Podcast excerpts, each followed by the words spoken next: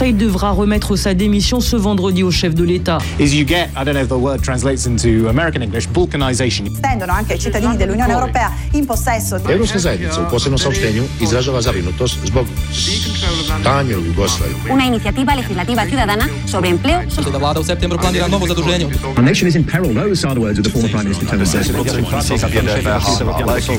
Verteilung von Flüchtlingskontingenten. I see Central base opening up for rise in the center of Europe today. Side.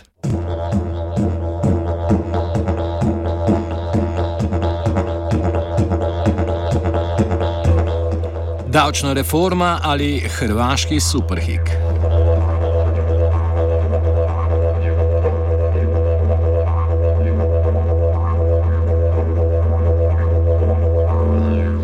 Čeprav je nova hrvaška vlada stara komaj dva tedna, deluje že s polno paro. In kako je bolje začeti mandat, kot pa z megalomansko davčno reformo? Spremembe davčne zakonodaje je novi stari hrvaški finančni minister Zdravko Marič javnosti predstavil prejšnji teden. V tokratnem offsajdu se pogovarjamo z ekonomistom Domagojem Mihaljevičem o predvidenih spremembah hrvaškega davčnega sistema.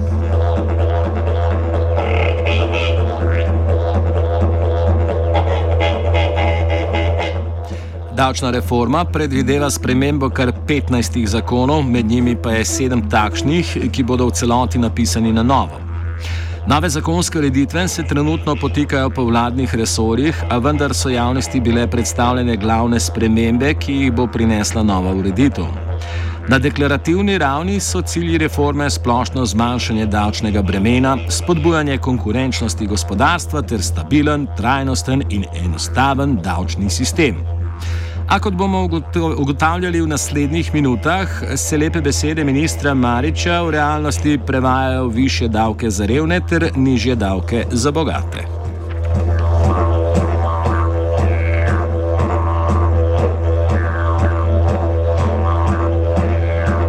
Najprej se posvetimo kontekstu nastajanja reforme. Čeprav je bila nova hrvaška vlada formirana šele v drugi polovici prejšnjega meseca, je finančni minister isti kot v prejšnji vladi. Kako se je reforma pripravljala in kaj prinaša, pojasnjuje Domagaj Mihaljević. Na ovoj poreznoj reformi se zapravo već radi godinu dana. Ona je u planu od prošle vlade HDZ-a i Mosta, koja se raspala tokom ovog ljeta ali, ali ministar financija Zdravko Marić, on je ostao isti i u ovoj novoj vladi HDZ-a i Mosta, tako da to je reforma koja koja je već godinu dana u pripremi. Ona je zapravo e,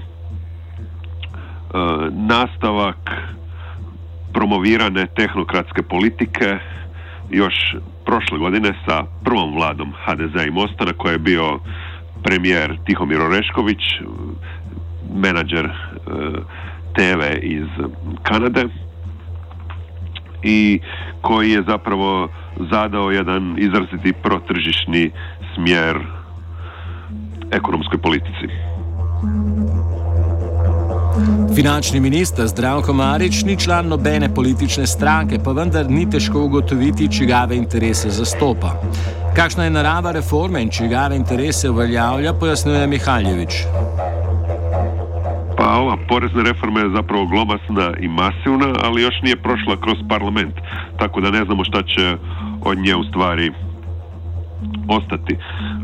U Centru za mirovne studije su, na primjer, tu poreznu reformu okarakterizirali kao super hik reformu prema liku iz Alana Forda koji krade siromašnima i daje bogatima. Inače, autor ove reforme je, je ministar financija koji je na tu poziciju došao kao direktor za ekonomske analize u Todorićevom Agrokoru i to jako dobro ilustrira kako zapravo politika funkcionira u, u Hrvatskoj. Radi se zapravo o klasičnom tehnokratu koji s jedne strane čuva Todorićev biznis, a s druge strane provodi market friendly, market friendly politike. Preden se posvetimo konkretni obliki in ukrepom nove davčne ureditve, obdelajmo eno od glavnih floskul, ki spremlja javno razpravo o davkih.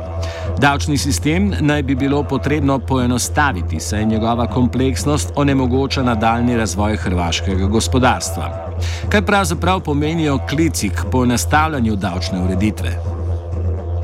To je zapravo klasična fraza koja se koristi kada se e, kada se zapravo e, jedan dio poreza na kapital ukida i onda se to prezentira kao svojevrsno simplifi, simplificiranje poreznog sustava. Ali ne radi se ni o čemu drugom nego o samo tome da se zapravo promiču market friendly, market friendly politika. S 1. januarjem 2018, ko naj bi novi zakoni stopili v veljavo, se bodo spreminjale stopnje davka na prihodke, na dobiček, nepremičninskega davka ter davka na dodano vrednost. Kako konkretno razlaga Mihaljevič?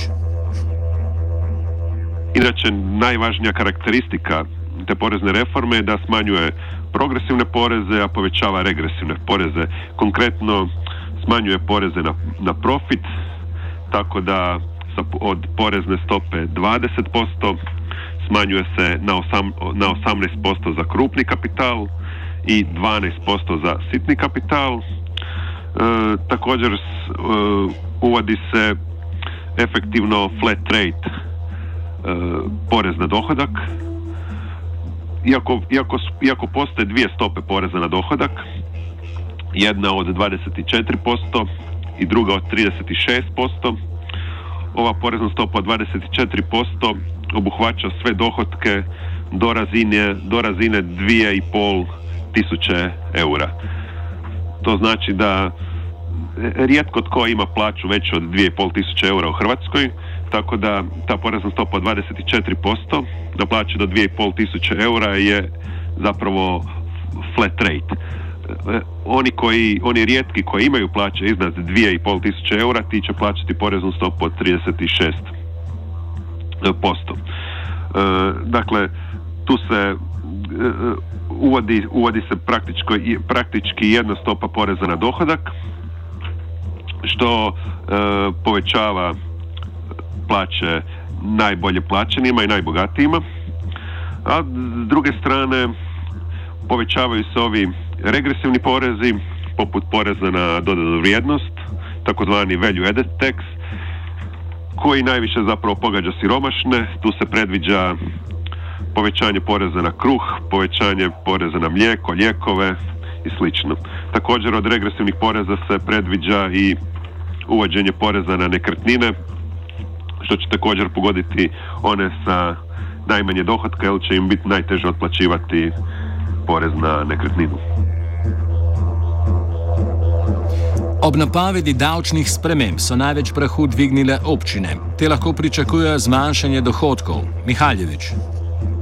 S obzirom da se smanjuje porez na dohodak koji pripada lokalnoj samoupravi, to jest više novca, više plaće postaju veće, pogotovo onima najbogatijima, tako se e, budžeti na lokalnoj, na lokalnoj razini će se puno slabije puniti, jer porez na dohodak pripada lokalnim razinama vlasti. Ali vlast to namjerava kompenzirati uvođenjem poreza na nekretnine koji bi trebao pripadati e, lokalnim, lokalnim jedinicama. Tako, s jedne strane će lokalne jedinice izgubiti na porezu na dohodak, ali bi, dobijel, ali bi dobile sa uvođenjem poreza na nekretnine. Vlada sicer občinam obljublja, da bo izgubljene prihodke kompenzirala z nepremičninskim davkom, a Mihaljevič dodaja, da je tak ukrep časovno omejen. Uvodi se od 1.1.2018. predviđa se da se komunalna naknada zamijeni sa porezom na nekretnine. U početku bi taj porez na nekretnine bio jednak komunalnoj naknadi, ali bi, ali bi od 2020. se porez na nekretnine na, naplaćivao na punu tržišnu vrijednost nekretnine. Spreminja pa se tudi stopnja davka na dodano vrednost, po hrvaško krajše PDV. Medtem, ko se bo obdavčitev večine izdelkov zgolj za spoznanje znižala, pa ministrstvo predvideva več kot podvojitev davkov na osnovne potrebščine. Več o tem Mihaljevič. Kod PDV-a general, generalna stopa PDV od 25%, trebala bi se sniziti na 24%, ali zapravo su puno veći efekti će biti da se porez od 5% na mlijeko, kruh, lijekove poveća na 12%. Dakle, praktički du, dolazi do u, više nego udvostručavanja poreza na, na, ono, na najosnovnije prehrambene e, proizvode. Čeprav sta koalicijski stranki HDZ in Most v drugem poskusu vlade bolj konsolidirani, je prepad med strankama vendarle lahko vera na poti do nove davčne zakonodaje. Trenutno je največ nestrinjanja med vladajočima strankama okoli davkov v turizmu. Zakaj pojasnjuje Mihaljevič? Jedno glavno sporno mjesto je povećanje poreza na dodanu vrijednost u turizmu, na, to jest na ugostitelje. Ugostitelji imaju povlaštenu stopu poreza od 12%, koja bi se trebala sada povećati na 20, na predviđenih 24%. I to je svojevrsna točka prijepora između Mosta i HDZ-a, gdje Most kao e, stranka koja predstavlja sloj e, sitnih poduzetnika, to jest sitnog kapitala, je zainteresirana da ih nekako zaštiti kroz sprečavanje e, kroz sprečavanje po, povišenja te porezne stope od 12% ugostiteljstvu na 25%, ali hoće li Most uspjeti spriječiti tu svoju glasačku bazu koncentriranu u sitnom poduzetništvu, to je vrlo upitno jer HDZ čini se može i bez Mosta skupiti većinu kojom bi progurao ove promjene u Saboru. Če povzamemo, finančni minister v vladi ščiti interese velikega kapitala, ki ga je nekoč zaposloval, most pa odgovarja bazi majhnih podjetnikov. V vsakem primeru davčna reforma sledi jasni ideološki liniji.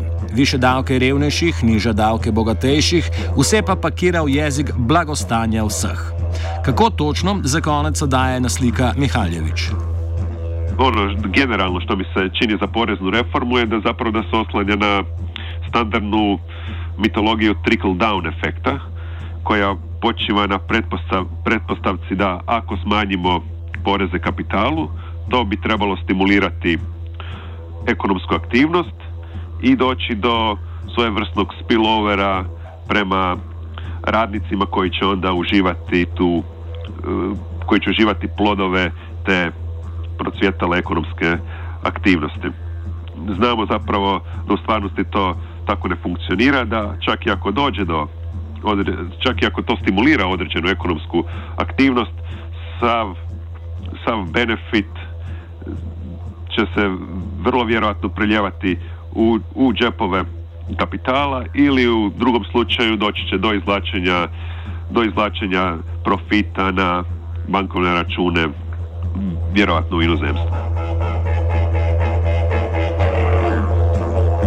Offside je pripravil Mladen Zabec.